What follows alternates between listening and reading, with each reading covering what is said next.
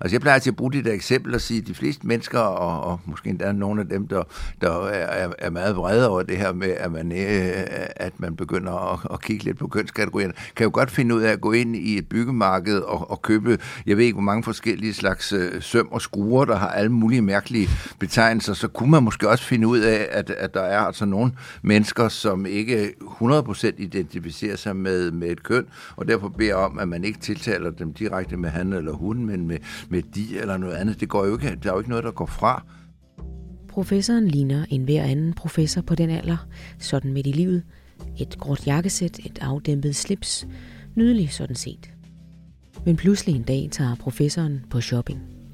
Og i kugen ligger han et par støvler med høje hæle og nogle stramme læderbukser. Juraprofessor Ditlev Tam var 54 år, da han pludselig besluttede sig for at prøve noget helt nyt. Crossdressing betyder, at man bærer tøj, der traditionelt er tilskrevet det modsatte køn. Og hvis en professor på høje hæle lyder interessant, så glæder dig til at høre om Swazi en crossdressende præst i Solkongens Frankrig, der skrev tunge bind om kirkehistorie, men som altså også levede som sensuel kvinde i store dele af sit liv. Det er en flere hundrede år gammel og sand historie om feminisme og frigjorthed, og om at leve præcis som man har lyst. Dit liv. Hvad vil det sige at være crossdresser? Ja, crossdressing er jo et elgammelt fænomen, og den, der laver crossdressing, er en crossdresser. Og det betyder jo egentlig bare, at øh, man har lyst til, eller bare gør det, at man går med tøj. Det kan være hele vejen igennem, om jeg så må sige, eller det kan bare være enkelte genstande, som man kan se, som grundlæggende er forbundet med det andet køn. Altså både mænd og kvinder kan være crossdressere, og i vores dage er de fleste kvinder crossdresser, for de går med bukser, som jo grundlæggende var en mandlig beklædningsgenstand, mens det måske mere er omkring mænd, at man, øh, man, man diskuterer det, fordi der bliver det så mere tydeligt, at uh, det kan være et tøj, som, uh, som er anset for kvindeligt, og måske især netop kjoler, der står så ligesom diskussionen. Hvis en mand går med kjole, så er det jo i hvert fald sådan indbegrebet af crossdressing.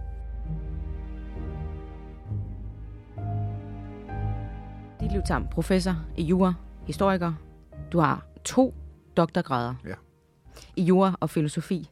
Ja. Øhm, og af den grund bliver du jo også meget ofte brugt i, offentlige, i den offentlige debat som ekspert. Du har udgivet en række bøger, men vi skal snakke om den seneste, du har udgivet her på Gyldendal, Skab som mand og kvinde. Ja. Og som altså handler om noget så usædvanligt, tillader jeg mig at sige, som en crossdressende præst i Solkongens Frankrig. Ja. Vil du ikke lige... Jo, det er også øh, sådan set også usædvanligt, og det, det er altså i den grad usædvanligt, fordi det, der har øh, fænget mig i historien, det er faktisk den første beretning, vi har i verdenslitteraturen, fordi grundlaget for bogen, det er en personlig beretning, som han hedder François Timoleon de Choisy, og som ganske rigtigt var en fransk præst, har skrevet formentlig omkring 1700 af, om hvordan han i øh, som ung holdt af at klæde sig som kvinde, levede som kvinde, og, og i den egenskab så også var sammen med mennesker, og herunder også med, med, øh, med unge piger, og, og, og levede altså et liv som kvinde. Jeg kender ikke nogen ældre beskrivelser af en mand, der altså forklarer så indgående, hvordan det er altså som mand at føle sig, klæde sig så, ved, øh, som kvinde, ved at tage kvindetøj på og leve på den måde. Og det er jo det, der sådan måske umiddelbart allerede er det interessante ved den historie. Det er, der står vi altså simpelthen for en første beskrivelse af et, et fænomen, som jo er mere udbredt, end mange tror. Ja, og går længere tilbage, end, går end man kan. meget længere tilbage, måske end tro. man tænker sig. Ja. Men vil du ikke lige starte med at sætte scenen for os? Fordi vi er jo i Jo. Ludvig den 14. Solkongens Frankrig. Det er vi, for, vi er i Frankrig, og vi er i Frankrig i 1600-årene. Og oh, jeg vidste, at vi har at gøre med en, øh, en person, der er født i 1643. Opvokset i et øh, miljø, der er nært knyttet til det franske hof, og med en meget dominerende mor. Og det er på den måde, crossdressingen kommer ind, for det fortæller han også selv om i, øh, i et af sine bøger, at, at hans mor klædte ham som kvinde, som, øh, som lille, og grunden til det, det var, at øh, og så er man jo inde i noget lidt kompliceret omkring, øh, omkring fransk politik og fransk historie her i 1600-årene, men det er lidt sjovt at se, altså hvordan den lille historie og den store historie her på en eller anden måde kommer til at hænge sammen, for vi, vi kender jo altså Ludvig den 14. Frankrig, solkongen, der ligesom bliver indbegrebet af den øh, enevældige absolute monark der, har sit hof i, øh, har sit hof i Versailles, fører sig frem med stor pragt, og samtidig er vi jo en tid, der er præget af, af, af store tænkere, store, skuesp, øh, sku, store skuespilforfattere og, og, og andre forfattere, så altså en kulturel blomstringsperiode, og så i den er der jo selvfølgelig så en masse hjørner, og man kan sige, det her det er jo så et af hjørnerne i, uh, i den tid, og, og et af de politiske hjørner, det er det, at uh, før Ludvig den 14. kom til, og det, det er jo en vigtig del af hans historie, og noget af det, der også gjorde, at at der blev skabt, som altså skabte begejstring over ham, det var der, at der var en usikker politisk situation, fordi der var andre end kongen, der gerne ville have magten, sådan er det jo som regel, og under tiden samledes man om kongens yngre bror for at true kongen, og det ville man undgå i løbet af den 14. tilfælde, og der var det sådan, at den yngre bror, der hed Philip, han, øh, han kunne godt lide at klæde sig som pige, og har formentlig været, været biseksuel, og Choisis mor, øjner så der altså muligheden for at få, øh, få sin søn ind i kredsen omkring ham, hvor, hvor man leger pige i pigetøj. Samtidig med, at denne prins altså er, er, er maskulin i den forstand, han er en glimrende soldat og alt muligt, men han har altså den samme, og det kalder jo at sige så, sin lille svaghed, som altså på et meget tidligt tidspunkt af, af hans liv er blevet skubbet ind i af sin mor for at få en plads ved hoffet. Og det er også en vigtig del af hans historie, at han altså befinder sig sådan i, øh, i yderkredsen omkring hoffet en gang imellem, taler med, med Ludvig den 14., kender Ludvig den 14. bror, altså fordi han, øh, han, er, han har leget med ham som, som barn, og, og altså i det hele taget færdes i, i de kredse, kender også de store personer i fransk åndsliv, fordi han blev medlem af det franske akademi.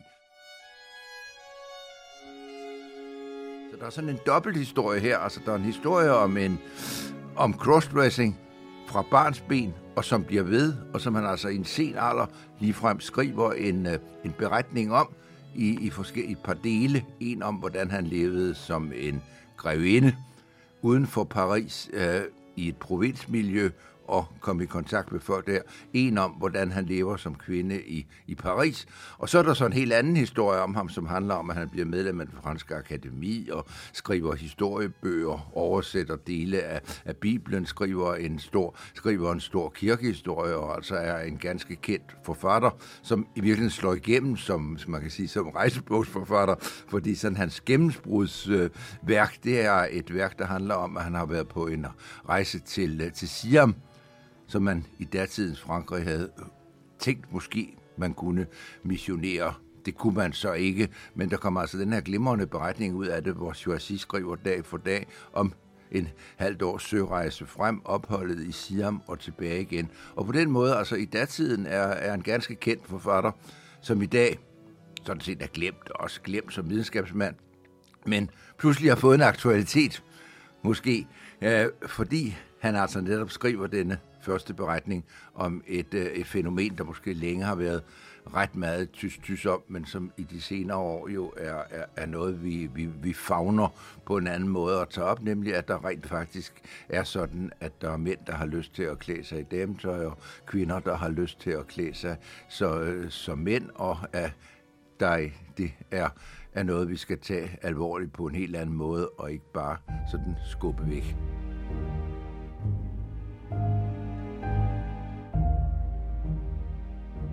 Nu har vi været tilbage, tilbage i, øh, i Frankrig her i 1600-1700-tallet, og hvis man så spoler 300 år frem i tiden, så kunne man jo møde en, øh, en ung, veluddannet, nu siger jeg ung, relativt ung, veluddannet, dannet mand, meget velklædt, i slips og jakke, ja. ved navn Ditlev Tam. Han var midt i 50'erne og ja. gik, gik meget forventeligt klædt. Ja. Men så skete der lige pludselig noget. Det er rigtigt, at så på et, på et tidspunkt der omkring 2000, så tænkte jeg, at hvorfor nu også det? Og, og, og, og prøvede sådan at eksperimentere lidt med at gå, det blev så sko med høje hæle og jakker, der havde en farve, en rød jakke, og følte mig egentlig godt tilpas i det. og når man så først er slået ind på den vej, så, så er der nok ikke nogen vej tilbage i den forstand, at så, så bliver ens smag en anden, og lysten til at sammensætte en, en garderobe, der består af noget, der er, der er lidt mere farverigt, og man får jo også, eller det fik jeg jo i hvert fald også sådan øjnene op for, at der jo faktisk findes øh, ret gode designer, og at der efterhånden jo også, men det er jo ligesom en tiden også, der, der har været med der, mm. fordi omkring 2000 var det vel relativt begrænset, hvad man kan få. Der er jo sket en revolution, efter mine begreber, inden for, for herremoden inden i de 20 år. Hvor Men så er det også sige, interessant, at du faktisk før det, det får, ja. øh, får den idé og, og begynder ja. at interessere dig meget mere for mode. Det er jeg også selv gået lidt og tænkt over. Det er rigtig nok, altså jeg har sådan tænkt lidt over, jeg måske var lidt sådan forerunner der med at, at gå på en måde, for det, der var jo ikke andre og du havde heller ikke tidligere haft en eller anden, Nej. hvor du tænkte, gider jeg dog havde mod til at tage Nej, en spraglet altså, trøje slet, på? Altså, det lå slet ikke for. Altså, jeg, det, altså, ja, andre i min alder ved det jo godt, men vi er jo opvokset på den måde i en lidt altså, fantasiløs tid. Altså nu talte vi her begrebet crossdressing, det anede vi jo ikke, hvad var. Eller, eller i det hele taget, altså de her forskellige variationer af måder, man kan forholde sig til uh, seksualitet og liv på. Det var jo ikke noget, man sådan talte åbent om, eller noget, man signalerede overhovedet i sin, uh, i sin påklædning. Tværtimod, det var en meget diskret tid. Mm-hmm. Schwazi her, han bliver jo fra helt lille klædt som øh, en pige af sin mor, som du har fortalt. Øh, tror du egentlig, at man kan... Og han, han senere i sit liv, så føler han sig jo meget, meget tilpas ja. ved at have kvindetøj ja. på og leve som kvinde. Tror du egentlig, man kan opdrages til at føle sig tilpas øh, i, i både traditionelt kvinder- og herretøj? Altså kan det ja. fremmenskes? Ja, det er jo, nej, det jo, det er jo et interessant spørgsmål. Eller tror du, man kan, ja. er det fordi, man bliver sat fri ja. til i virkeligheden at dyrke både ja. sin maskulinitet og femininitet? Fordi øh, Swazi lever jo selv i en tid, hvor han ikke selv ved, hvad det her er for noget. Ikke? Altså, han ved kun, at hans mor klæder ham, og så kalder han det sin egen lille faiblesse, sin lille svaghed. Og sådan som han skildrer, er der jo ikke tvivl om, at han selv, om som siger, at det har været et heldigt valg for moren i den forstand, at, øh, at han ikke har protesteret over det, og han faktisk føler sig godt i den rolle.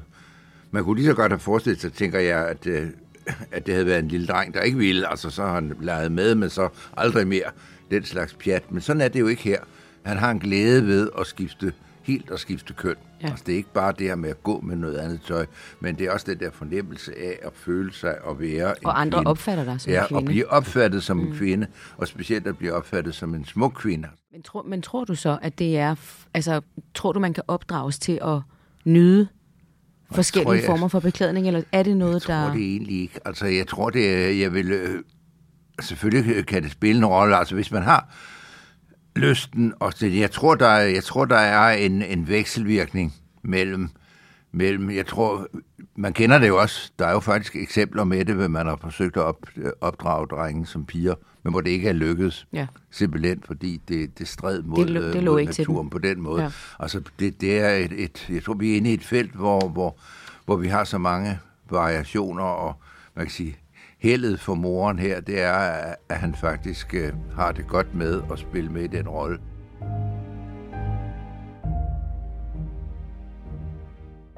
Man kan sige, at under alle omstændigheder, som du også har været lidt inde på, så var det en mere øh, løsluppen eller vild tid, i hvert fald i de kredse, hvor han bevægede sig. Øhm, og noget, der virkelig er øh, underholdende i bogen, er beskrivelserne af den her sengekantskultur, som man, ja. som man bruger. Ja. Vil du ikke lige prøve at, at jo, beskrive, altså, hvordan det foregår, da øh, altså, han lever jo, som grevinde, og så får han ja. besøg af de her unge piger? Kulturhistorisk er det jo meget, altså det er jo faktisk også interessante skildringer, fordi han giver meget indgående skildringer af, nu kan vi tage den historie, der handler om, hvordan han, øh, hvordan han klæder sig som kvinde og giver sig ud for at være en enkegrevinde af Bar, og bosætter sig formentlig i nærheden den by, der hedder Bourges, altså et par hundrede kilometer fra Paris, hvor han, uh, hvor han leger et slot, og så jo altså inde i en helt anden type miljø, nemlig et fransk et fransk provinsmiljø på det tidspunkt, hvor der har været noget, noget landadel og nogle lokale, nogle lokale embedsmænd, og det er så dem, han, han omgås der. Og, og skildrer jo så øh, også, hvordan han så indgår i det sociale liv, som er på det sted, altså man aflægger hinanden visit, og nogle gange kan det være langt væk, og så overnatter man hos hinanden, og han møder så en, øh, en, øh, en familie, en adelig familie, der har en datter, som han synes godt om. Og, øh, og så, ja, så øh, øh falder de i konversation, og så giver han jo ud for, det er også rigtigt, at han har en, øh, han har en, øh, en af hans ansatte er vældig dygtig til at, at sætte hår, som ikke den unge pige har lyst til at lære at sætte sit hår ordentligt. Og, og hun kommer så ud og bor en uge hos ham, og går i seng med ham, og under, på et tidspunkt kommer forældrene også på besøg, og, og, og de går jo så, altså så træffer man beslutning, det kan man så se, altså det er så hver aften, så kan man finde, hvem skal nu sove hvor, og i hvilket værelse, hvem sover i seng med hvem, for der er ikke nødvendigvis en seng til alle. Og han sover så med den unge pige, og forældrene ser, hvordan de, hvordan de går i seng, og tror jo, at det er to kvinder, ja. som går i seng, mens den unge pige jo på et relativt tidligt tidspunkt af det bekendtskab opdager og ved, at det er det så ikke. Ja, det opdager man. Det opdager hun, ja. Men forældrene ved det formentlig ikke. Nej. Det er nok et af, altså et af de pikante træk, at forældrene opdager det. Eller hvis de ved det, så lader de i hvert fald som ingenting. Ja. Og det kan også godt være, at, der, at det er pikant, fordi øh, det her hører også ligesom hjemme i, i en genre i Frankrig. Det er jo Altså, det går jo mange veje. Det er jo et meget fromt samfund og, og katolsk, og samtidig er der jo også nogle helt grundlæggende ting. For eksempel altså det problem med, hvad stiller man op med sådan en 15-16-årig pige, der skal giftes måske med øh, en, øh, en 10-15 år ældre øh, landadelsmand, der, der, der lugter af heste og køer og, og sådan noget. Det er altså chokket ved den første nat. Det kan være ret stort. Ja. Så kan det være meget godt at vide, hvad det egentlig er. Ja. Og det sådan skildrer sige det jo også selv, ligesom at han, han gør sådan set nytte på den måde, at, han jo, at det er jo faktisk en forberedelsesstrategi for den unge pige til, hvad der venter ham, for han skal jo ikke giftes med hende. Nej. Og, han skal og, og kan jo lide hende, ja. men der er jo ingen, han er jo præst og, og, og, og indgår jo ikke, og der, ligger slet, der er slet ingen elementer af varige forhold. Det er altid midlertidigt, og der er altid den der opdragende ja. del af men, det. Men, ja, det. Men det interessante, pikante, ja. er jo også, at de ligesom overværer Men øh, der sidder forældrene altså ja. og overværer det, og derfor er det lidt pikant. Ved de nu, hvad der sker, eller ved de ikke helt, ja. øh, hvad der sker, og, og, og, og ved de det, og, og tager det med? Det får vi ikke helt. Altså, der kan man, der, der, der, det er jo så antydet, hvor, hvor, hvordan det er. Men ja. altså, den, det, det er helt åbenbart en, en af glæderne, når, når man går i seng. Det er jo efter en aften, hvor han, han er glimrende til at spille, og de spiller komedie. Det er jo så altså også lige, at man ser, at man, at man siger, altså man siger godnat til hinanden, men altså gør det på et meget sent tidspunkt at gå i seng, nemlig når, når, det, når parret ligger i sengen. Ja. ja. Det er meget interessant, og det er i hvert fald i, den peri- i, i en af de perioder, hvor han har det virkelig godt. Der er han øh, glad. Der er han ja. i sit S. Og jeg vil høre, om du faktisk ikke prøve, vil prøve at læse noget op jo. fra hans egne memoirer. Ja. Ja, her vil jeg læse et lille stykke, som handler om hans egne, og det er jo også uh, interessant. Han, han gør sig jo selv overvejelser over, hvorfor han nu har lyst til at klæde sig som kvinde, hvad jo tror jeg, alle gør, der har den lyst egentlig, hvorfor, hvad er det, der sker Jamen. med mig her. Og det han skriver, det er, at det hører til Guds væsen at blive elsket og tilbedt. Mennesket, i det omfang dets svaghed tillader det, stræber efter det samme. Derfor er det sådan, at når nu engang skønheden, som vækker kærligheden i almindelighed, er knyttet til kvindekønnet, at øh, når det hænder, at mænd har eller tror eller tror at have nogle skønhedstræk, som kan gøre dem elskede, så forsøger de at øge dem ved at foretage nogle tilpasninger til det kvindelige, som er meget fordelagtige. De føler så den uudsigelige fryd at blive elsket. Jeg har mere end en gang mærket det, som jeg her fortæller, som en behagelig erfaring, og når jeg har været til bal eller i teatret iført smukke kjoler, diamanter og skønhedspletter, og jeg har hørt viske ved min side, ej, se et smukt væsen, så har jeg følt i mig en glæde, som ikke kan sammenlignes med noget andet. Så stor er den. Ambition, rigdom, selv kærligheden kommer ikke op på siden af den, fordi vi altid elsker os selv mere, end vi elsker andre.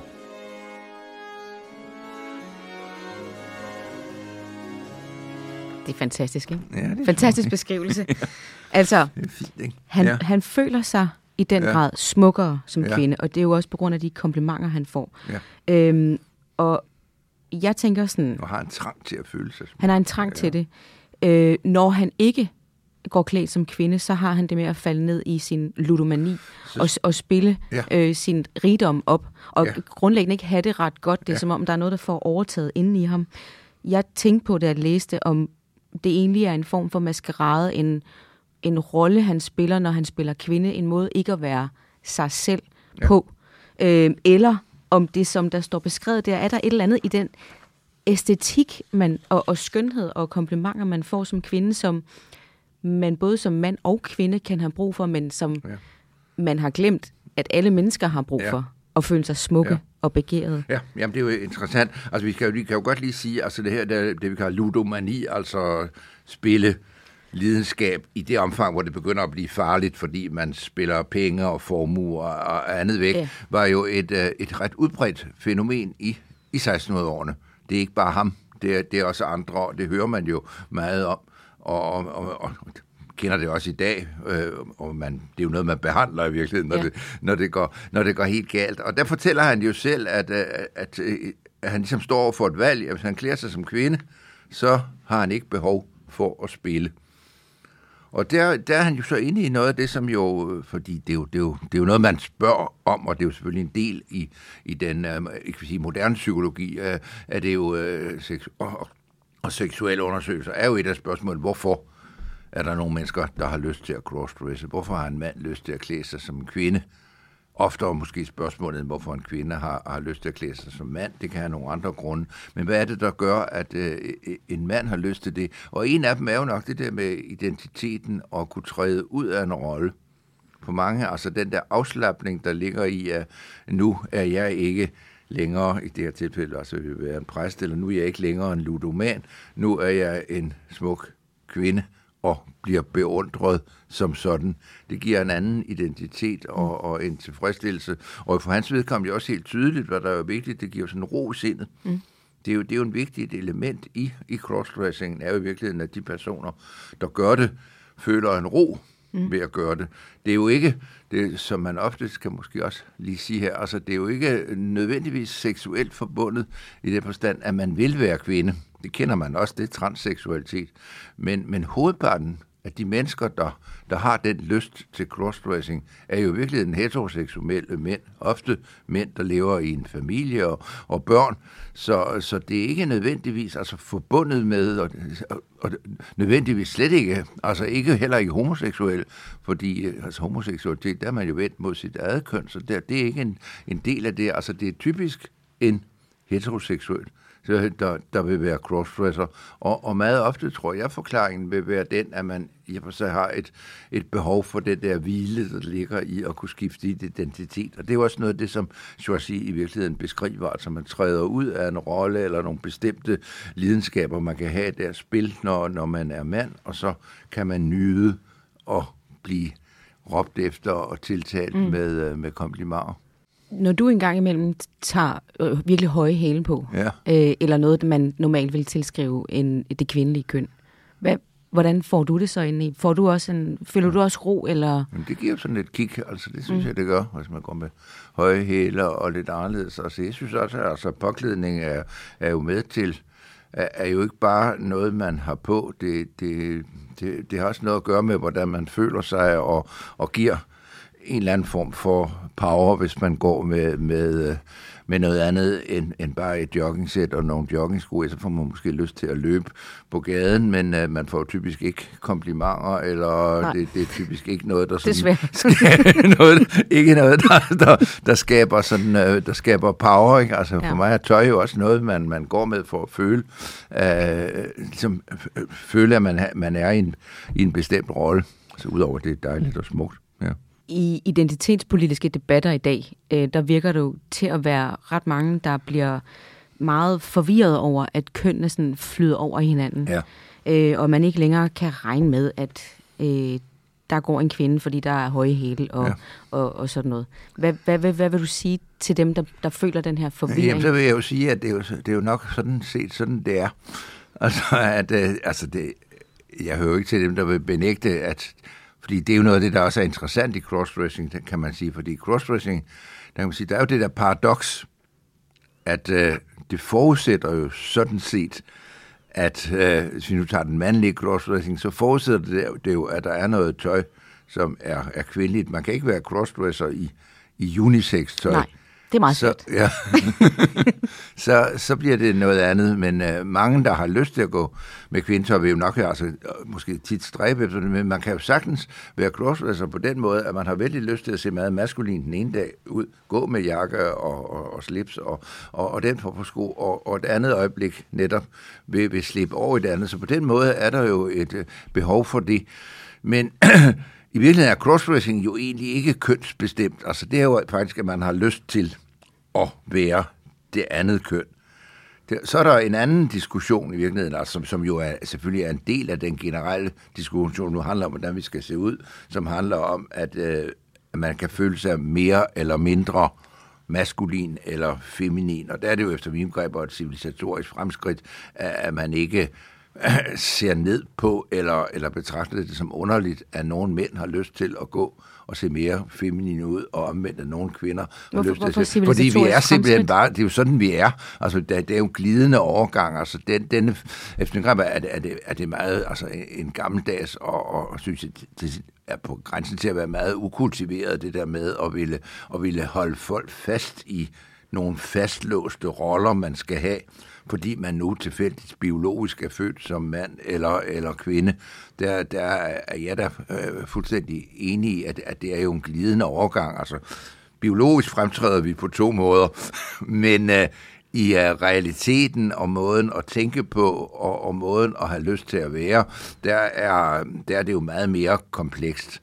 Og det er jo et af, altså, som jeg synes, et af de store ting i, i nyere tid, det er, at øh, den kompleksitet, den får lov til at komme frem. Og der synes jeg altså, øh, at det må man bare øh, følge med i og forstå. Der har jo lige netop været en historie i medierne, hvor øh, Ritzau gik ud og, og, og havde en historie om, at i Københavns Kommune måtte man ikke længere sige mor og far til borgere, der var mor og far. Og det øh, gik jo meget forventeligt sin gang på Facebook, og folk var ja. rasende. Ja. Øh, det viste sig selvfølgelig også, at det ikke var en helt øh, rigtig udlægning af deres nye politik. Det var egentlig bare, at man skulle prøve at tage lidt mere hensyn til ja. sine borgere og minoriteter og forskellige slags, hvordan man tiltaler dem.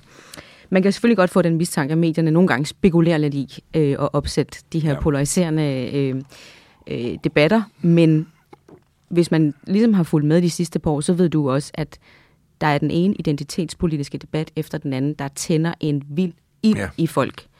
Hvorfor tror du egentlig, at det øh, hisser folk så meget op? Hvad er det, det går ind og sådan rører ved, siden det kan gøre så ja, det er, rasende? Øh, nogle steder er det mærkeligt. Altså, jeg har også en fornemmelse af, altså, at noget af det er altså, det er mere i Danmark, end det er andre steder, hvis man kommer til USA eller England. Altså, som jeg siger, når jeg får breve fra forelæggere eller andre, jeg arbejder sammen så står der som en selvfølge ved siden af et navn, jeg ikke kender, så står der wants to be addressed, at man ønsker at blive tiltalt som he, she eller, eller, eller he. Altså, det er, en, det er en fuldstændig naturlig ting i omgang med mennesker i dag, i eftermiddagsbegreber i et civiliseret samfund. Det, det er helt mærkeligt, synes jeg, for Danmarks vedkommende, at, at, øh, at man skal hænge sig fast i det, at man ikke kan respektere, at der er nogle mennesker, altså hvis et barn har to mødre, så der jo ikke, skal man jo ikke sige far, altså, men der, derfor kan man jo godt sige far til nogle andre, ja. der, som er en far, ikke? Altså det, det, det, er jo, øh, det, er, det, er jo, det er ikke så svært Altså jeg plejer til at bruge det der eksempel og sige, at de fleste mennesker, og, og måske endda nogle af dem, der, der er, er meget vrede over det her med, at man, øh, at man begynder at, at kigge lidt på kønskategorierne, kan jo godt finde ud af at gå ind i et byggemarked og, og købe, jeg ved ikke hvor mange forskellige slags øh, søm og skruer, der har alle mulige mærkelige betegnelser, så kunne man måske også finde ud af, at, at der er altså nogle mennesker, som ikke 100% identificerer sig med, med et køn, og derfor beder om, at man ikke tiltaler dem direkte med han eller hun, men med, med de eller noget andet. Det går jo ikke, der er jo ikke noget, der går fra. Og de fleste øh, er jo meget, meget høflige, og ingen bliver jo fornærmet. Og hvis man spørger om, øh, hvordan du, det gør jeg da selv tit, hvordan vil du gerne tiltales, eller er det i orden, at jeg siger, nej, jeg vil hellere have, at du siger sådan og sådan. Det, det kan man da, det, det er da en del af, synes jeg, en civiliseret omgang med andre mennesker, at, at man lige finder ud af, hvordan de gerne vil, vil, vil tiltales. Og så er det fuldstændig rigtigt, at det der, der er kommet en meget større følsomhed overfor i de senere år, end der har været tidligere. Det gælder jo også spørgsmål om race og en lang række andre ting. Der er simpelthen en række, vi kan jo kalde det minoriteter, men det er jo det, vi skal væk fra at gøre, det vi, der, vi skal hen, er jo, at vi konstaterer, uh, og som siger, og det, og det vil jo lige vil sige, det vil jo have Schwarzi med at sige, skaberværket er meget, meget omfattende, og folk er meget forskellige, og, og der er jo ikke noget med, at der er noget, der er det normale, og noget er det unormale, og så skal de man indrette sig. Det handler jo bare om, at man prøver så godt man kan at, at, at afpasse både sin, sin måde at tale på, og også sit eget modtagerapparat selvfølgelig over for, for andre, der ikke kan finde ud af det efter, at, øh, at det, det er nogle gange lidt kompliceret. Hvem siger, at livet skal være let? Vi er, vi er mindst lige så kompliceret som skruer ja, hen i Silvan. Det, øh, måske, det er 100 procent. Nærmest mindre, tror jeg. øhm, dit liv. I, her til sidst. I 1600- og 1700-tallets Frankrig, øh, der kunne man jo også finde en masse, der har du også været inde på, kloge, meget dannede, og egentlig faktisk feministiske tænkere. Ja. Øh, man kunne også finde mange interessante og våde stykker litteratur, blandt andet Soisis, som jo stadigvæk eksisterer et sted nede på et universitet i Paris, ikke? Eller en bibliotek. Hans oprindelige optegnelser. Hans øh, betegnelser ligger på et, øh, et arkiv i Paris, ja. ja. Jeg har været nede og se dem. Ja. Og du nævner også øh, øh, et værk i din bog, der anses som en klassiker inden for pornografisk litteratur, som også var fra på det tidspunkt. Ja, den har især noget om det, det, vi talte om før, nemlig om kvinders oplæring til, øh, Præcis. til øh, ægteskabbrud. Det er i hvert fald et værk, der, øh, der også behandler de her flydende grænser for, ja. for køn og identitet, ja. seksualitet. Det er også kvinder, der lærer hinanden, hvad det er, der sker. Præcis. Ja. Tror du, at, at øh, kan vi gå tilbage i de her flere hundrede år gamle værker og prøve at finde frisindet frem, eller hvad kan, hvad kan de lære os i dag? Hvad kan en person som Swazi lære os i dag? Grundlæggende kan vi jo lære, at øh, altså det vigtigste er jo, at vi kan jo lære, at disse ting har jo altid været der, og at, at man jo faktisk godt kan håndtere dem, og så måske også øh, lære for de mennesker, der kan faktisk komme noget smukt og noget interessant ud af disse diskussioner, og, og derved måske at den lærer, at øh, altså, livet er nogle gange mest interessant i dets mere farverige form, og, og hvis alle er, er normale, er det måske ikke helt så sjovt, som øh, hvis man øh, øh, accepterer og har øjnene åbne for, at der er, der er altså spændende variationer, som kan sætte noget i gang, som ikke nødvendigvis bliver sat i gang, hvis man, øh, hvis man kun holder sig til, øh, til, til, til det, det, man selv anser for at være normalt.